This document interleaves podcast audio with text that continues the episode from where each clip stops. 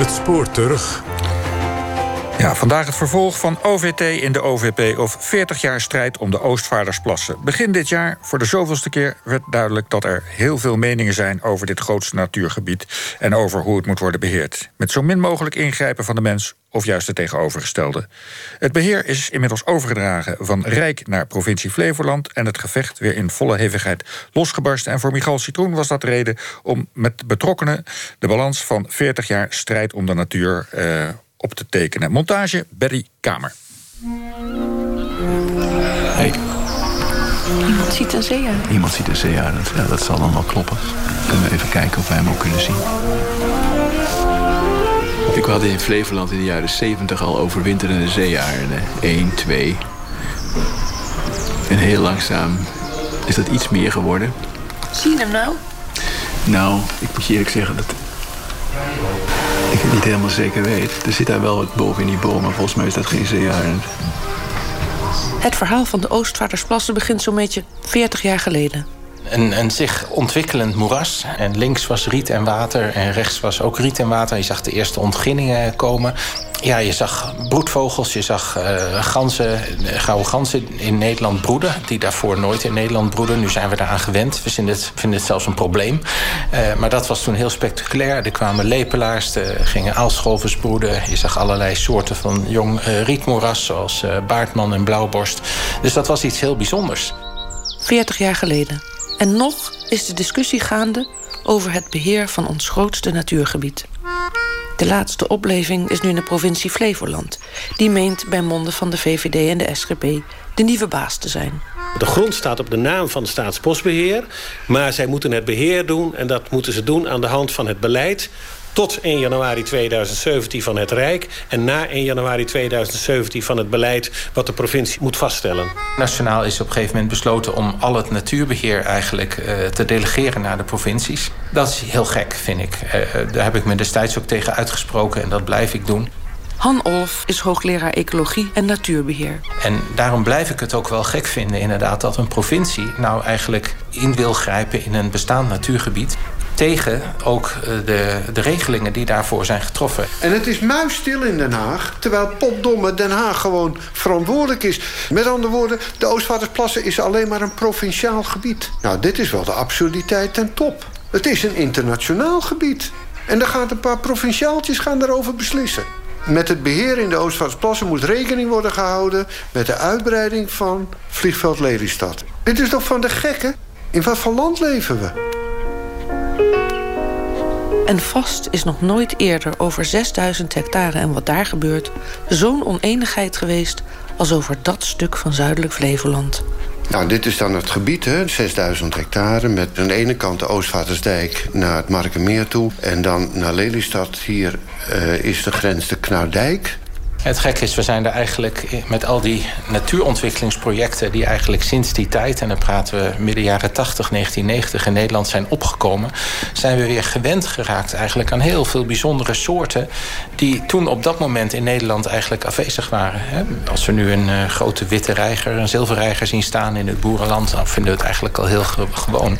Maar we moeten wel beseffen dat veel van dat soort soorten... eigenlijk in die Oostvaardersplassen zijn begonnen. Dat was hun eerste voet aan de grond in Nederland om uit het buitenland, soorten eigenlijk die geacht werden in Nederland uh, uitgestorven te zijn, om als broedvogel om zich weer op, die, uh, op dat nieuwe land te vestigen. 23 mei 1981, het Vrije Volk. Het is een toetssteen voor onze beschaving. Een van de verschilpunten tussen beschaafde naties en minder geciviliseerde landen ligt in de wijze waarop de eerste omspringen met hun cultureel erfgoed. We hebben de verplichting zuinig te zijn op onze Rembrandts. En ook op het gebied van de vogelbescherming hebben we onze verantwoordelijkheid. De meningen lopen op zijn zachtst gezegd nogal uiteen. Bijvoorbeeld in 1990 zijn de Oostvaardersplassen volgens deskundig ecoloog net zo belangrijk als de regenwouden in het Amazonegebied. Er is een moeras van 3600 hectare. Frans Vera is van alle betrokkenen misschien het meest bekend. En er is dus een droogdeel van 2400 hectare. En er is een kade, die is gemaakt in 1975. En die scheidt dus het moeras van het droge deel. En die kade is in de tijd aangelegd omdat buiten het moeras gewoon de ontginningen doorgingen. Want er was formeel niks geregeld. Er was dus, de buitenwereld wist ook helemaal niet wat er aan de hand was in de Oostvaardersplassen. Ooit boswachter Jan Griekspoor is faunabeheerder van Staatsbosbeheer. En wat eigenlijk de truc is van de Oostvaardersplassen... dat je het in één geheel ziet. Hè? Dus Oh ja. daarachter heb je het Markenmeer. Dan krijg je als het ware de Oostvaardersdijk. Dan heb je het moeras. Heel belangrijk is dat je dan de natte graslandkabels hebt... zoals je dat hier ziet. En aan de buitenkant, in de verte... dat grazige, droge deel... daar overleven op dit moment eh, de grazers. 14 juni 1983, Volkskrant. De Oostvaardersplassen zijn te klein om oertijd te doen herleven. De natuur en de moderne mens staan vaak op gespannen voet. Zeker in een dichtbevolkt land als Nederland. Natuurbeschermers en stedenbouwers liggen dan ook dikwijls met elkaar overhoop. Ze leveren nu slag om de Oostvaardersplassen in Zuid-Flevoland. En in 2005 vraagt een politicus in de NRC zich af... is het een uniek gebied waar de natuur zijn gang gaat... of een concentratiekamp voor dieren? Ja, er zijn denk ik eh, een beetje twee belangrijke keerpunten geweest. Eh, Dus eentje is inderdaad dat mensen zich zorgen gingen maken om die grote grazers. Een beetje om twee manieren. Van enerzijds hadden mensen het idee dat die grote grazers eigenlijk die natuurwaardes van die vogels in de weg gingen zitten. Wat een beetje gek was, omdat ze natuurlijk juist bedoeld waren om die natuurwaardes te versterken. En eh, ja, het, tweede was de, de dierenwelzijnsdiscussie die daarbij een rol ging spelen. Afrikaatjes spelen en een natuurramp voltrekt zich in de Oostvaardersplassen... schrijft Elsevier in 2005. Sterven deze dagen een pijnlijke hongerdood. Na de strenge winter is er te weinig voedsel... en dus wordt de sterk gegroeide populatie uitgedund. Om onnodig dierenleed te voorkomen is er een afschotbeleid... maar in de praktijk komen veel dieren op een jammerlijke manier aan hun eind.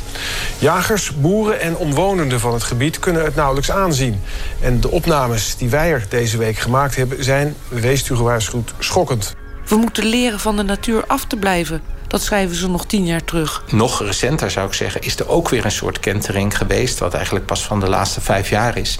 Dat in Nederland steeds meer een sentiment is ontstaan. Dat is eigenlijk onder het eerste kabinet Rutte uh, ontstaan uh, vanaf 2011. Dat uh, natuur in Nederland niet zomaar natuur mag zijn, maar natuur moet er voor de mensen zijn. 9 januari 1986, Gooi en Eemlander. Het natuurreservaat Oostvaardersplassen tussen Almere en Lelystad moet voor publiek opengesteld worden. Bij voldoende toezicht en controle hoeft niemand te vrezen dat het natuurgebied wordt aangetast. Natuur moet gebruikt zijn, natuur, daar moet gerecreëerd in worden, daar moeten fietspaden, mountainbike trails, uh, natuur voor natuur. Daar leek politiek eigenlijk steeds minder draagvlak voor. Nou, al die discussies hebben de laatste tijd uh, gespeeld. Een stuk moeras. Nog niet aan de beurt voor ontginning door de Rijksdienst IJsselmeerpolders. Bleek ontdekt door vogels. Door de natuur dus. Helemaal vanzelf was het gegaan. Vogelsoorten die sinds de middeleeuwen niet in Nederland waren gesignaleerd... hadden zuidelijk Flevoland weer ontdekt. Lepelaars en aalscholvers, die golden ooit in de 14e eeuw als delicatesse op het menu. De 3600 hectare rietmoeras lokten ze voor het eerst in de jaren 70 en 80 weer terug. Dat is wat iedereen wil zien, hè? De zeearend. Ja. Nou, het is natuurlijk een... Uh, je zou kunnen zeggen, een soort, soort kroon op het werk van... Het denken rondom wildernis, dat dan dus een vogel die zo groot is als, als een zeearend... Hè, die dus aparte behoefte heeft aan ruimte, aan schaal, aan prooien. Het kan aas zijn, het kunnen karpers zijn, het, het kunnen ganzen zijn. Dus die haalt hij allemaal uit verschillende delen van zo'n zo'n moeras. Als dat allemaal klopt, dan heb je zo'n zeearend. Dat hadden we ook voorspeld. Alleen we nooit gedacht dat het zou gebeuren. En opeens in 2006 gaat hij dus in Nederland broeden. Moet je voorstellen, voor het eerst. Nederland zeearend. En dan is dat dus hier. Dus niet bij de buren, niet op de Veluwe, maar hier. En dan is dat dus natuurlijk... Ja, dat is zo'n aha-erlevenis. Omdat je nog maar een paar jaar daarvoor... was het idee, nou, dan beginnen we hier zeearend te introduceren. We, hebben een jong uit Oost-Duitsland of waar het ook vandaan zou, zijn gekomen. Dat zetten we hier op een nest, dat voeden we bij. Dat is ook allemaal wel eens elders gebeurd. En toen hebben we gezegd, nou, niet doen, niet doen. Laat nou, als het gebied goed genoeg is... Oh, daar gaat hij toch. Ja, ja, ja, ja ik keek verkeerd. Ja. Nee, zeker. Oh jee, prachtig. Ja, kijk, hier, dat, geeft gewoon die opwinding altijd nog. Oh, twee zijn er. Oei, oei, oei. Daarachter nog één. Het moeras was voor mij bijzonder en de rest vond ik eng. Ik wist dat daar hele grote belangen speelden ook binnen onze eigen dienst. Toen kwam snel eigenlijk de rol van de gouden gans eh, sterk naar voren. Als in, in die grote rietmoerassen, langs grote meren en in delta's van rivieren, hebben ganzen vaak een cruciale rol in het jong en openhouden van het moeras. Want het was ook bekend dat al die bijzondere rietvogels zouden verdwijnen als je gewoon helemaal niks zou doen. Als je alleen maar een rietmoeras hebt en je doet verder helemaal niks ja, dan krijg je langzaam vestiging van wilgen en van elzen en dan wordt het een moerasbos. En dus gingen in 1978 voorzichtig de eerste alarmbellen af bij biologen in dienst van de Rijp. Die Rijksdienst voor de IJsselmeerpolders. Toen zagen we dat het hele rietmoeras begon te veranderen. werd half open. Dat trok weer zilverreigers aan die er gingen broeden. Mannen zoals Menno Bart van Eerde. Maar toen begon dus het hele spel van water en, en land de grazers die erin kwamen, de vogelgrazers in de vorm van die grauwe ganzen. En Hans Drost. Het ontginningsbedrijf, dus de landbouwkundigen, die, die riepen ook voortdurend hoe belangrijk hun ontginningslandbouw was voor ganzen. Dat is ook zo. Dus daar zaten in, het, in de, in de Oostvaardersklas voor het niet-moerasdeel... Zaten, daar zat gewoon heel veel bestuurlijke onrust toen al, zeg maar. Ook voor ons. Dus wij, ik zelf heb me daar zelfs in mijn dromen nooit zo aan gewaagd. Ik denk, nou, we zien wel wat het wordt. En als er een grens is bedacht uh, van een bufferzone... Als die, zo noemden we dat toen. Als er een grens is bedacht van de bufferzone tegen het moeras aan... dan zien we tegen die tijd wel wat ervan, eh, wat we, wat, hoe we dat laten uitgroeien. Maar nu even niet. En die beesten die hier dus gingen broeden... die zwermden uit. In oktober gaan ze dan op trek. En die zwermden uit en werden gezien op tal van plaatsen in Nederland. En niet alleen in Nederland, maar ook in West-Duitsland en zelfs in Polen... zijn beesten dus weer vanuit die Oostvaardersplassen teruggekomen... en hebben daar kleinere rietmoerasjes, die al lang die baardmannetjes kwijt waren... weer opnieuw bevolkt. En dus gingen in 1978 voorzichtig de eerste alarmbellen af. Wat iedereen zei, zonder beheer, ja, wordt het moerasbos. Ook bij mensen die er eigenlijk helemaal niks mee te maken hadden. Daarom werden ze weggooi natuurgebieden genoemd. Ze liggen er tien jaar en iedereen geniet ervan en daarna is het over. Maar die wel in actie kwamen, zoals Frans Vera. Dus met andere woorden, je, je, je, kan er niks mee. Dus uh, weet je wat, uh, eet er maar flink van, want over tien jaar is het afgelopen. Want met zo'n moerasbos, daar kan je niks mee. Nou ja, daar heb je niet die moerasvogels. Die zijn dan weg. Dat zijn de rietvogels, dat zijn de roerdompen... dat zijn de bruine kiekerdieven, dat zijn de baardmannetjes... de rietzangers, de grote en de kleine karakieten. Maar die zijn dan allemaal weg, want het zijn geen bosvogels. Samengevat, als je er niks doet, dacht iedereen... wordt het een moerasbos en... Nee, je kunt er niks doen. Want het enige wat je zou kunnen doen is rietmaaien. En dat maakt het gebied onbetaalbaar in het beheer. Want dat is een uitermate dure vorm van beheer. Ga maar kijken wat het kost in de wieden en de weerribben. En bovendien is er voortdurend heibel tussen de rietmaaiers en de natuurbeschermers. Want de rietmaaiers die willen zoveel mogelijk riet maaien. Terwijl sommige vogels kunnen helemaal niet hebben dat altijd riet gaat. Ze moeten wel riet hebben om in te broeden. Maar niet alles moet worden gemaaid. En daar was dus al meteen de frictie. Kunnen we het gebied niet gewoon houden? Vragen vogel- en natuurbeschermers zich af. Er gebeurt hier toch iets volstrekt unieks. En zo ja, hoe dan? Ervaring is er niet. De natuur in Nederland gewoon zijn gang laten gaan. Dat was niet gebruikelijk. Aanvankelijk dacht de rijp, zeg maar, vanuit de buitenwereld... van, oh jee, daar ligt een natuurgebied, daar moeten we ons tegen inbufferen. maar wij hadden natuurlijk de omgekeerde uh, insteek. Als biologen van de Rijp hadden we zoiets van... ja, er ligt een mooi moeras en dat heeft waarschijnlijk meer nodig dan alleen het moeras. Want het functioneert nu ook omdat er een heel groot onontgonnen gebied ligt... en omdat er een heel groot stuk ontginningslandbouw ligt... waar geen boeren zitten en waar heel veel wordt getolereerd. En als dat straks allemaal uitgegeven zou zijn als, als particuliere boerenbedrijven... dan komt daar ontzettende heibel en het moeras verarmt. Dus wij waren bezig om vanuit het moeras te formuleren... wat zou daar dan bij moeten aan de droge kant. Toen kwam die lobby heel sterk op, uh, op gang om te zorgen van ja, als je nou zo'n geweldige stap gezet hebt... Hè, van, die, van, het, van het duizenden hectare grote moeras... nou ja, doe dan even nog iets meer erbij om dat complex van een wat ja, goed functionerende randzone samen met dat moeras tot de eenheid te maken die het verdient. Dan gaan we naar iets toe wat completer is. Nou, dat was natuurlijk een schok voor, die, voor, de, voor de planners. En, want die, die, die hadden zoiets van, ja, maar we hebben toch al besloten. En dat leverde heel veel strijd. Maar goed, zo is het wel gegaan. En vanuit de druk van buiten de organisatie is het uiteindelijk geregeld. Kijk, de Rijksdienst IJsselmeerpolders, waar wij werkten... is een dienst die heel zwaar landbouwkundig ingestoken was. Daar is hij, hij is gegroeid uiteindelijk uit het Zuiderzeeproject... Waar, wat oorspronkelijk voor de voedselproductie na de Tweede Wereldoorlog uh, zijn boost gekregen heeft. En die sfeer van wij willen daar landbouw hebben, wij willen overal landbouw hebben, want Nederland heeft honger. Ja, het was wel niet meer. Nederland had geen honger meer, maar die, dat, dat, dat, dat, dat beleid dat leefde gewoon in die hele dienst. Dus wij waren daar als biologen wel binnengekomen. En wij hadden ook wel, er werd goed naar ons geluisterd door de directie.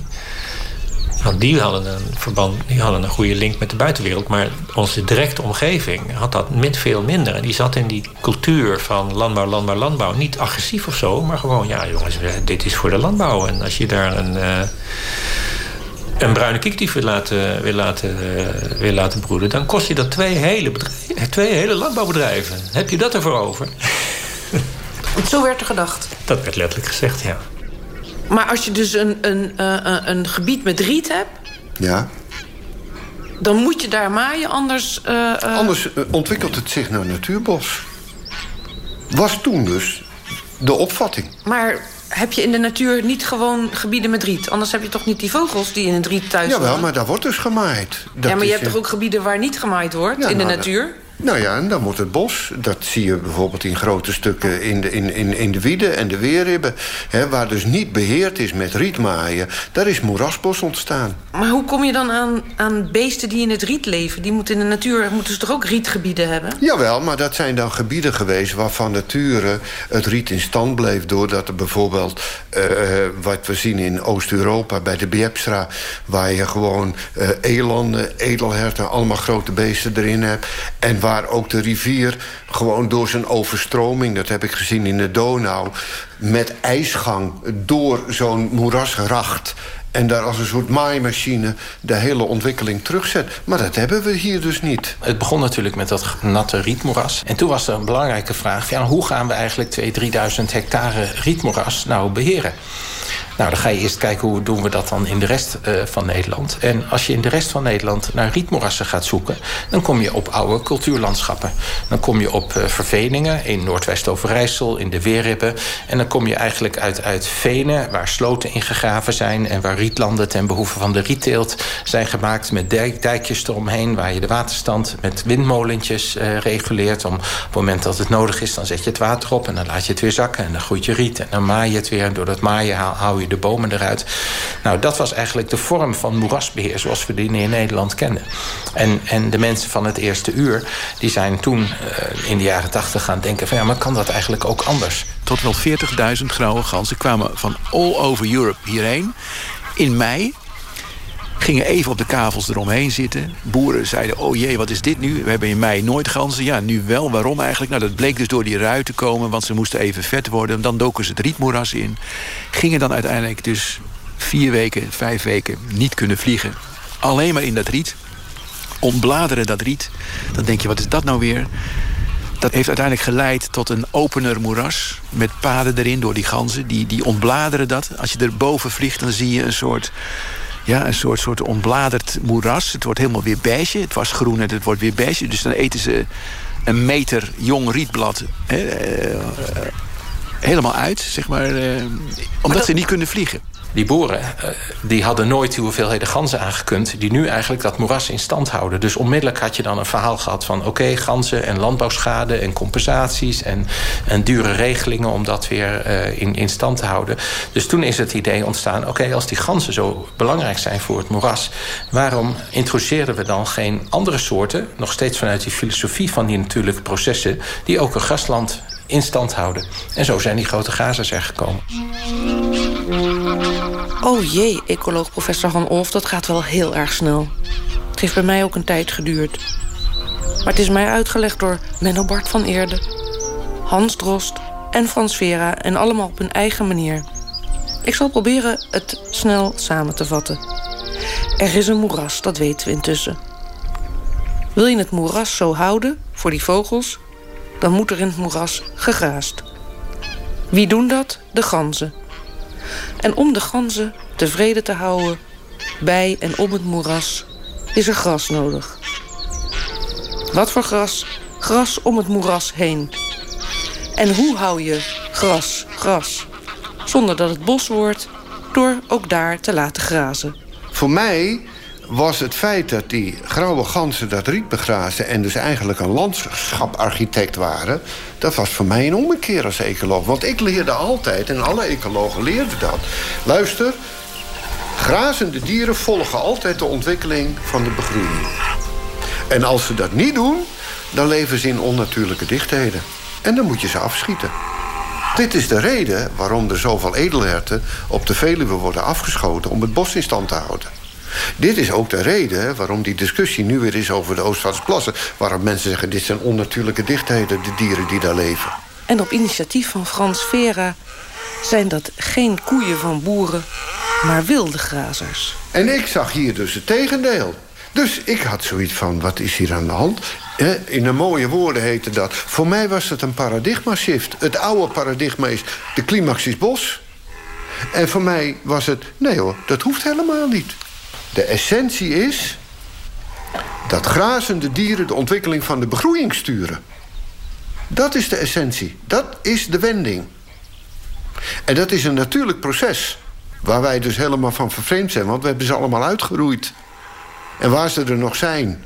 Ook als ze terugkwamen. Want de herten op de Veluwe zijn in feite uitgezet. Maar dit is een soort basisgedachte over hoe natuur... Ja. Uh... ja. ja. De essentie is... zijn plantenetende dieren sturend voor de ontwikkeling van de begroeiing... of zijn ze volgend? En als ze volgend zijn, dat is ook wat je nu in de Oostvaardersplassen ziet... schiet heel veel dieren af, want dan komt vanzelf komen de bomen en de struiken weer terug. Dat is dus weer dat oude beeld. En hele open grasvlaktes ontwikkelen, wat dus nu in de Oostvaardersplassen gebeurt... dat is onnatuurlijk. Ja, er is wat mij betreft niks onnatuurlijks aan om een populatie te hebben die door de voedselaantallen gereguleerd is. En je moet ook voorstellen dat dat echt een effect heeft op de, het gedrag en op de verdere populatieontwikkeling en zelfs evolutie van die soort. Want in feite nu wordt, wordt door de natuurlijke omstandigheden bepaald welke dieren doodgaan. Dat wil zeggen dat er een hele sterke selectie is, terwijl degenen die overblijven, die hebben allerlei eigenschappen die steeds beter tegen die omstandigheden kunnen. En wat wij niet misschien aan ze kunnen zien, maar wat in, een verteringsstelsel kan zitten, wat in subtiele dingen van het gedrag zit. Dus het is een heel groot verschil of je als mens eigenlijk uh, ja, met een soort zwaard van Damocles over leven en dood beslist. En zegt van dit dier, jij gaat uit de populatie en jij en jij en jij en jij blijft leven. Of dat natuurlijke omstandigheden dat, uh, dat beslissen. En daarmee is een hele nieuwe schakel aan het systeem toegevoegd. Mensen waren in Nederland verleerd om met het doodgaan van grotere dieren in de natuur om te gaan. En niet een schakel zonder problemen. Ik werk veel in Afrika en als je daar praat met mensen... en, en je ziet op een gegeven moment in de droge tijd zie je een zebra uh, dood liggen... en je vraagt aan, aan mensen daar van... nou, uh, is, is, dat niet zielig? Hadden we daar niet iets aan moeten doen? Hadden we niet een, een, een drinkwaterput moeten maken voor die dieren? Of, of hadden we die dieren bij moeten voeren? Dan zullen ze zeggen van nou, wat is dat voor onzin? Dit is toch natuur? Dit is een natuurgebied. Ja, dat doen we met ons vee, maar dit is natuur. Dat is iets heel anders. Daar gelden dat soort principes niet. En natuurlijk is dat niet zielig. En het is, het is leven en laten leven. Het is eten en gegeten worden in natuurlijke ecosystemen. Voor een deel uh, was het zo dat wat Frans zei... en wij zeiden dat kan niet, dat bleek wel te kunnen. Dus wij kregen ongelijk. Die runderen die konden, nou ja, de runderen misschien niet... maar de grote herbivoren die trekken het wel. En onze inschatting was dat gaat niet lukken. Nou, dat lukt wel. Dat geef ik, uh, dat is credit voor Frans. Dat heeft hij gedurfd en het is gelukt. Op het, op het vlak van pijlbeheer van het binnenkaats gebied... ja, daar heeft Frans het beeld van dat valt wel droog en dat wordt wel rijk. Maar dat is dus gewoon nog steeds niet gebeurd. Kijk, wij hebben vanuit die organisatie toen destijds gezegd... dit is wat wij voor ogen zien en zo zou het kunnen. En daar hoort zo'n soort beheer bij. Maar ook een, ook, een, ook een afstandelijk beheer. We hebben niet gezegd, wij gaan dit allemaal managen. Van, van, dat was toen al onmogelijk. Het zou veel te duur zijn. Interessant is ook in die beginjaren weet ik ook... dat een aantal mensen zich uitspraken van... nou, dat gaat absoluut niet werken. Want het is onmogelijk dat uh, grote gazers uh, grasland in stand houden. Want er zullen allerlei bomen komen, wilgen en vlieren... en elzen zullen, zullen zich gaan vestigen. En, en als die bomen zich vestigen, dan schaduwen ze het gras uit... en dan hebben die gazers niks meer te eten. Dus dat gaat helemaal niet werken. Frans Vera is van alle betrokkenen misschien het meest bekend in het land. Ja, ik kan hem nu waarderen, maar toen kon ik hem wel schieten. Riet, moeras, waterstanden, graslanden en dichtheden. Als het u ook duizelt, dan simpel gezegd lijkt het hierop neer te komen. De Oostvaardersplassen in de visie van Frans Vera moet een eigen, totaal op zichzelf werkend ecosysteem zijn... waar nu alleen de randvoorwaarden voor worden gecreëerd. En wij waren ecologen en dat waren eigenlijk ja, nieuw, nieuwlichters... letterlijk en figuurlijk in, uh, in het hele systeem. En hoe dat zou moeten, dat had hij geleerd op de universiteit... samen met zijn vriend Fred Baarselman. Vanaf het moment dat zij verschenen... ja, zij hadden hun verhaal klaar... En dat was voor een deel correct. En voor, het was in ieder geval heel effectief in ruimtelijke ordeningszin. En daarna moet het allemaal zelf gaan gebeuren. De neiging bij, bij al die oude natuurbeheerders was om overal in te grijpen. Oernatuur, wildernis, terug naar hoe het was in Nederland misschien wel. Bedenk het maar. Dijken aan te leggen, te gaan branden, plukken, maaien, noemt u maar op. Dat was het kenmerk van de oude, het oude natuurbeheer. Het idee dat je ergens met je poten van afbleef... en dat was eigenlijk inherent aan onze benadering... ja, dat was belachelijk. Maar vooral ervan afblijven. Belachelijk. Je ziet eigenlijk, daarom is die Oostvaardersplassen ook zo'n prachtig en interessant gebied. Omdat het eigenlijk allerlei basisprincipes en allerlei heilige huisjes die in Nederland bestaan, eigenlijk ter discussie stelde. Dus met z'n tweeën gaan ze aan de slag. En dat is handig, want Fred zit in Den Haag, op het ministerie waar de beslissingen moeten vallen. Het was ook heel merkwaardig, want niemand besteedde er aandacht aan. Je kon over die Oostvaardersdijk kon je snel naar Groningen of zo als je wilde. Maar verder, de Rijksdienst IJsselmeerpolders... dat was gewoon een staat in de staat. Met een landdrost die uh, ongeveer als de, de keizer van China zich uh, gedroeg. Onze Hoon Lammers, ja. Hij was natuurlijk een, uh, als P van de A had hij dus al helemaal geen oog voor natuur en milieu. En milieu was toen een woord dat kwam net een beetje op. Ik heb dat meegemaakt, interdepartementaal. Het woord milieu, nou ja, daar uh, schniffelde men bij. En als het woord natuur viel, dan gingen ze gestrekt onder de tafel van het lachen. Dat was zoiets doms, dat daar, ja, hallo, natuurbehoud. Nou, dat was een van de redenen ook om te zeggen... om psychologische redenen moet het allemaal um, wetenschappelijke onderbouwing krijgen. Want dat was eigenlijk niet het geval. En dat hebben we dus eigenlijk alleen maar voor elkaar gekregen... doordat er ontzettend veel steun buiten, in de buitenwereld was... En je moet je ook even de historische context... Hè? dit allemaal vond plaats in een tijd van zure regen... stervende wouden, de mens vernietigt de wereld. En in één keer is er een gebied waar blijkt dat we ook nog iets goeds kunnen doen. Dus dat speelde ook mee. Wat er gebeurde, uh, was dat de, nou ja, de ontwikkelingen die gingen zo verdomd snel. En een man als uh, Ernst Poorter, dat is degene die voor ons de tipgever was. Maar hij had een spreekverbod. Hij mocht niet praten. Van de Rijp. Ja, nogmaals, staat in de staat. Hè. Denk daar nou gewoon ook zo negatief mogelijk over. Dan heb je het beeld ongeveer. Dus hij mocht niet praten. En hij maakte zich natuurlijk grote zorgen... want hij herkende uiteraard die hele mentaliteit bij de, bij de Rijp. En die wilde dat eigenlijk... die hele buiten... hier ging die, die spoorlijn, die ging hier gewoon rechtdoor, weet je wel. Alles daar buiten, buiten deze kade... Dat moet eigenlijk maar meer weer landbouw worden. Nou, een van de dingen was, nou, dan leggen we hier deze kade, die trekken we ook door. En dan kan deze, kunnen we dit hoekje ook weer landbouw maken. Nou, uiteindelijk nou een klein stukje natuur over. Nou, dat uh, moffelen wel weg in dat verkavelingsplan, hoe we dat doen. Toen besloten wij ondergronds te gaan. En wij Ondergronds? Nou ja, wij met pers praten en dat soort dingen. En wij hebben natuurlijk als ambtenaar de grootste doodzonde begaan... die je als ambtenaar kunt begaan. Namelijk, je gaat in tegen je bazen, dat is tot daar toe. Maar god beter, je krijgt gelijk. En dat is ongeveer het ergste. Nou, dat hebben we, met name ik heb dat dan ook wel gemerkt in mijn carrière. 25 november 1981. Als je verschuift, doe het dan meteen goed. Het is de laatste kans om in Nederland zo'n natuurgebied te creëren en in stand te houden. En die kans moeten we met beide handen aangrijpen.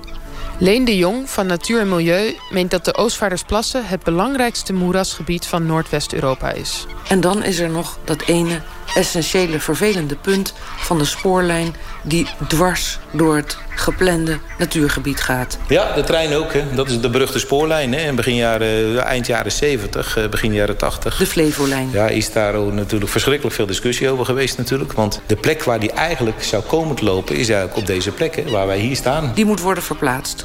En ook dat heeft heel wat voeten in de aarde. Toen het over die spoorlijn ging, moesten we dus niet meer in Lelystad zijn, maar in feite in Den Haag. Dus dat is het directoraat-generaal uh, voor uh, verkeer. De man die, die dat dossier had, dat was uh, ja Jacobsen en een maatje. En die noemden wij natuurlijk Van Es. En ik herinner me nog de, de eerste keer dat we in de kantine van CRM zaten. Dat, dat ik min of meer vertelde dat wij die spoorlijn wilden verschuiven. Ik zie die man, die Jacobsen, die werd, hij werd rood en daarna wit. En hij leunde achterover. Hij zegt, u wilt die spoorlijn verschuiven voor een paar vogeltjes? En als derde dragende poot gaat Leen de Jong van Natuur en Milieu... een cruciale rol spelen in het verleggen van die spoorlijn. Frans uh, werkte toen bij Staatsbosbeheer... en Fred zat bij het ministerie van CRM... Want natuurbehoud resulteerde toen nog uh, bij CRM. En ik was bij Natuur en Milieu verantwoordelijk uh, voor ruimtelijke ordening in Nederland. Toen ik daarbij uh, betrokken raakte, ik zei van wat is hier nou precies aan de hand? En het ging toen heel snel ging het over de, de spoorlijn. Want er was natuurlijk een prachtig kreet van welk idioot legt nou een spoorlijn dwars door een natuurgebied aan. Dat geluk hadden we dan. De minister van Verkeer en Waterstaat, toen die discussie liep, dat was Danny Tuinman, dat was zelf een vogelaar. En ze werden helemaal crazy op verkeer en waterstaat. Want hij wilde maar op een gegeven moment ook alle brieven die binnenkwamen... over de Oostvaartsplassen naar aanleiding van publiciteit in kranten... en in de Margriet en in de Libellen... die wilde niet op zijn bureau hebben. Ik denk dat ik er ongeveer twee à drie jaar dag in dag uit mee bezig ben geweest. Met omleggen van het tracé, om dat omgelegd te krijgen. Want dat was op zich niet eenvoudig als er eenmaal iets vastzit in plannen... om dan die plannen weer te herzien. En dan waren de polders, die hadden een hele aparte positie in Nederland. Want daar gelden een heleboel wetten ook niet. Dus wet op de ruimtelijke ordening, die gold niet in de polders. Want je had te maken met, uh, ik geloof, de wet op de Zuiderzeewerken enzovoort. Allerlei bezwaren, publiciteit. En de, de NS kwam, ja, maar als die spoorlijn wordt verschoven... komt er wel negen jaar vertraging. En alle mensen die in Almere wonen, in Lelystad wonen... zitten met smart te wachten op die spoorlijn. Nou, daar is een heleboel krantenartikelen over. Er is van alles over gebeurd. Een gebied van bijna 6000 hectare, eigenlijk bestemd als industrieterrein... ontwikkelde zich bij afwezigheid van ingrijpen van de mens tot een schitterend natuurgebied. Maar de aanleg van de Flevolijn dicht bij het plassengebied... zou de doodsklap betekenen voor de Oostvaardersplassen. Uiteindelijk wordt die spoorlijn verschoven. En wat gebeurt er? En dan zie je dus wat een pokerspel het is. Op, dit was dus al een vastgesteld tracé. Dat was dus al. Er, waren, er werden al piketpalen geslagen. Er was een club vrienden van de Oostvaardersplassen opgericht in Lelystad. Die heeft die piketpaaltjes eruit getrokken. Maar er stonden dus al piketpalen. En het is uniek in Nederland dat de spoorlijn niet werd aangelegd op een formeel vastgesteld tracé, maar werd verschoven. Maar hier was die negen maanden eerder klaar dan hier gepland was. De bevolking krijgt inspraak. Wat vooral in dit geval belangrijk was... omdat de lijn oorspronkelijk vlak langs een aantal belangrijke vogelbroedgebieden liep. Een storm van protesten was het gevolg. Zeldzame vogelsoorten moesten worden gespaard. En dit werd dus natuur. Maar ja, die vraag bleef. Hoe krijgen we dan grasland? Nou, mijn redenering was... als huisrunder een grasland kunnen maken... dan heeft het oerend, de wilde voorouder, dat ook uh, hebben gekund. Want dat is ook een graseter. Want onze koeien zijn toch gewoon afstammelingen van het oeren. Dan ga mij niet vertellen dat hij toen een bomeneter was... en dat het dus naderhand een graseter is geworden. Dat was dus een graseter. Want, want intussen waren Franse runderen al aangekomen, de koningspaarden. Ja, die waren er opeens, ja. Dat was ook zo komisch. die waren er opeens. Oh god, er zijn runderen. Die moeten ergens gestald. Nou, zet ze dan maar op C6, 27, 28. Die paarkavels zijn toch net ingezaaid. met gras. En uiteindelijk zijn die, is het vee eruit gegaan en uh, is het de wilde dieren geworden. Met nog steeds uh, de opvatting van bijvoorbeeld die boer die er zat. Dat gaat niet werken. Biologen die zeiden dat gaat niet werken. Nou, het werkt dus wel.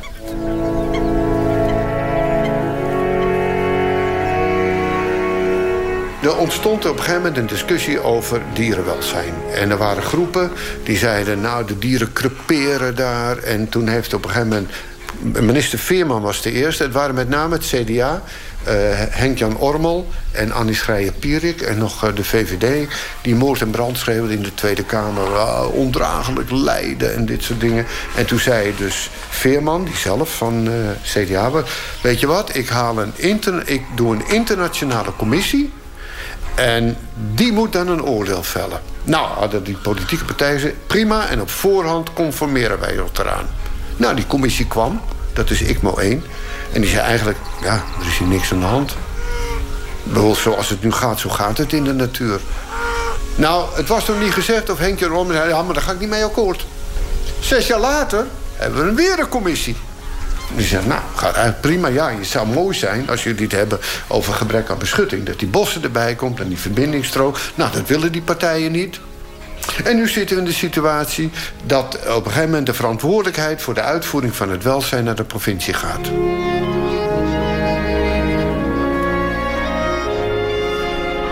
Daar zie ik een, een spriet van een boom en ja. daar bovenop zit iets. Ja, is dat dat, dat is hem. En hij houdt zijn vleugels zo wijd. En je moet je voorstellen, die vleugels dat zijn gigantische lappen. De, de vliegende deur is De dit, vliegende deur. En nou is het even geen deur, maar het is wel een, een, een zeer grote uh, aardkluit... Uh, mut aardappelen uh, daar in die boom, zeg maar. Zo moet je het eigenlijk zeggen. Zo groot is het, hè? Dus zo'n vier... Oh, nu zie, nu zie ik iets wat, wat, wat ja, ja, ja. Nu, nu beweegt hij met zijn vleugels, dat is klopt. dat het? Ja, dat is hem. Heel goed. Ja, zie ik hem.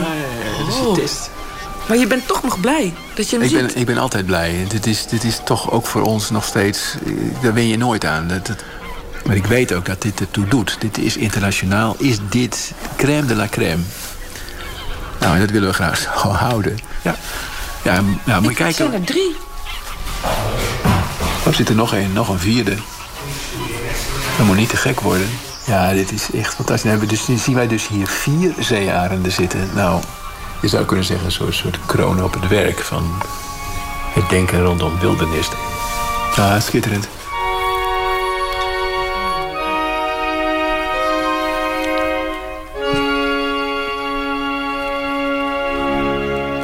Ja, dit was het slot van het verhaal van de Oostvaarder.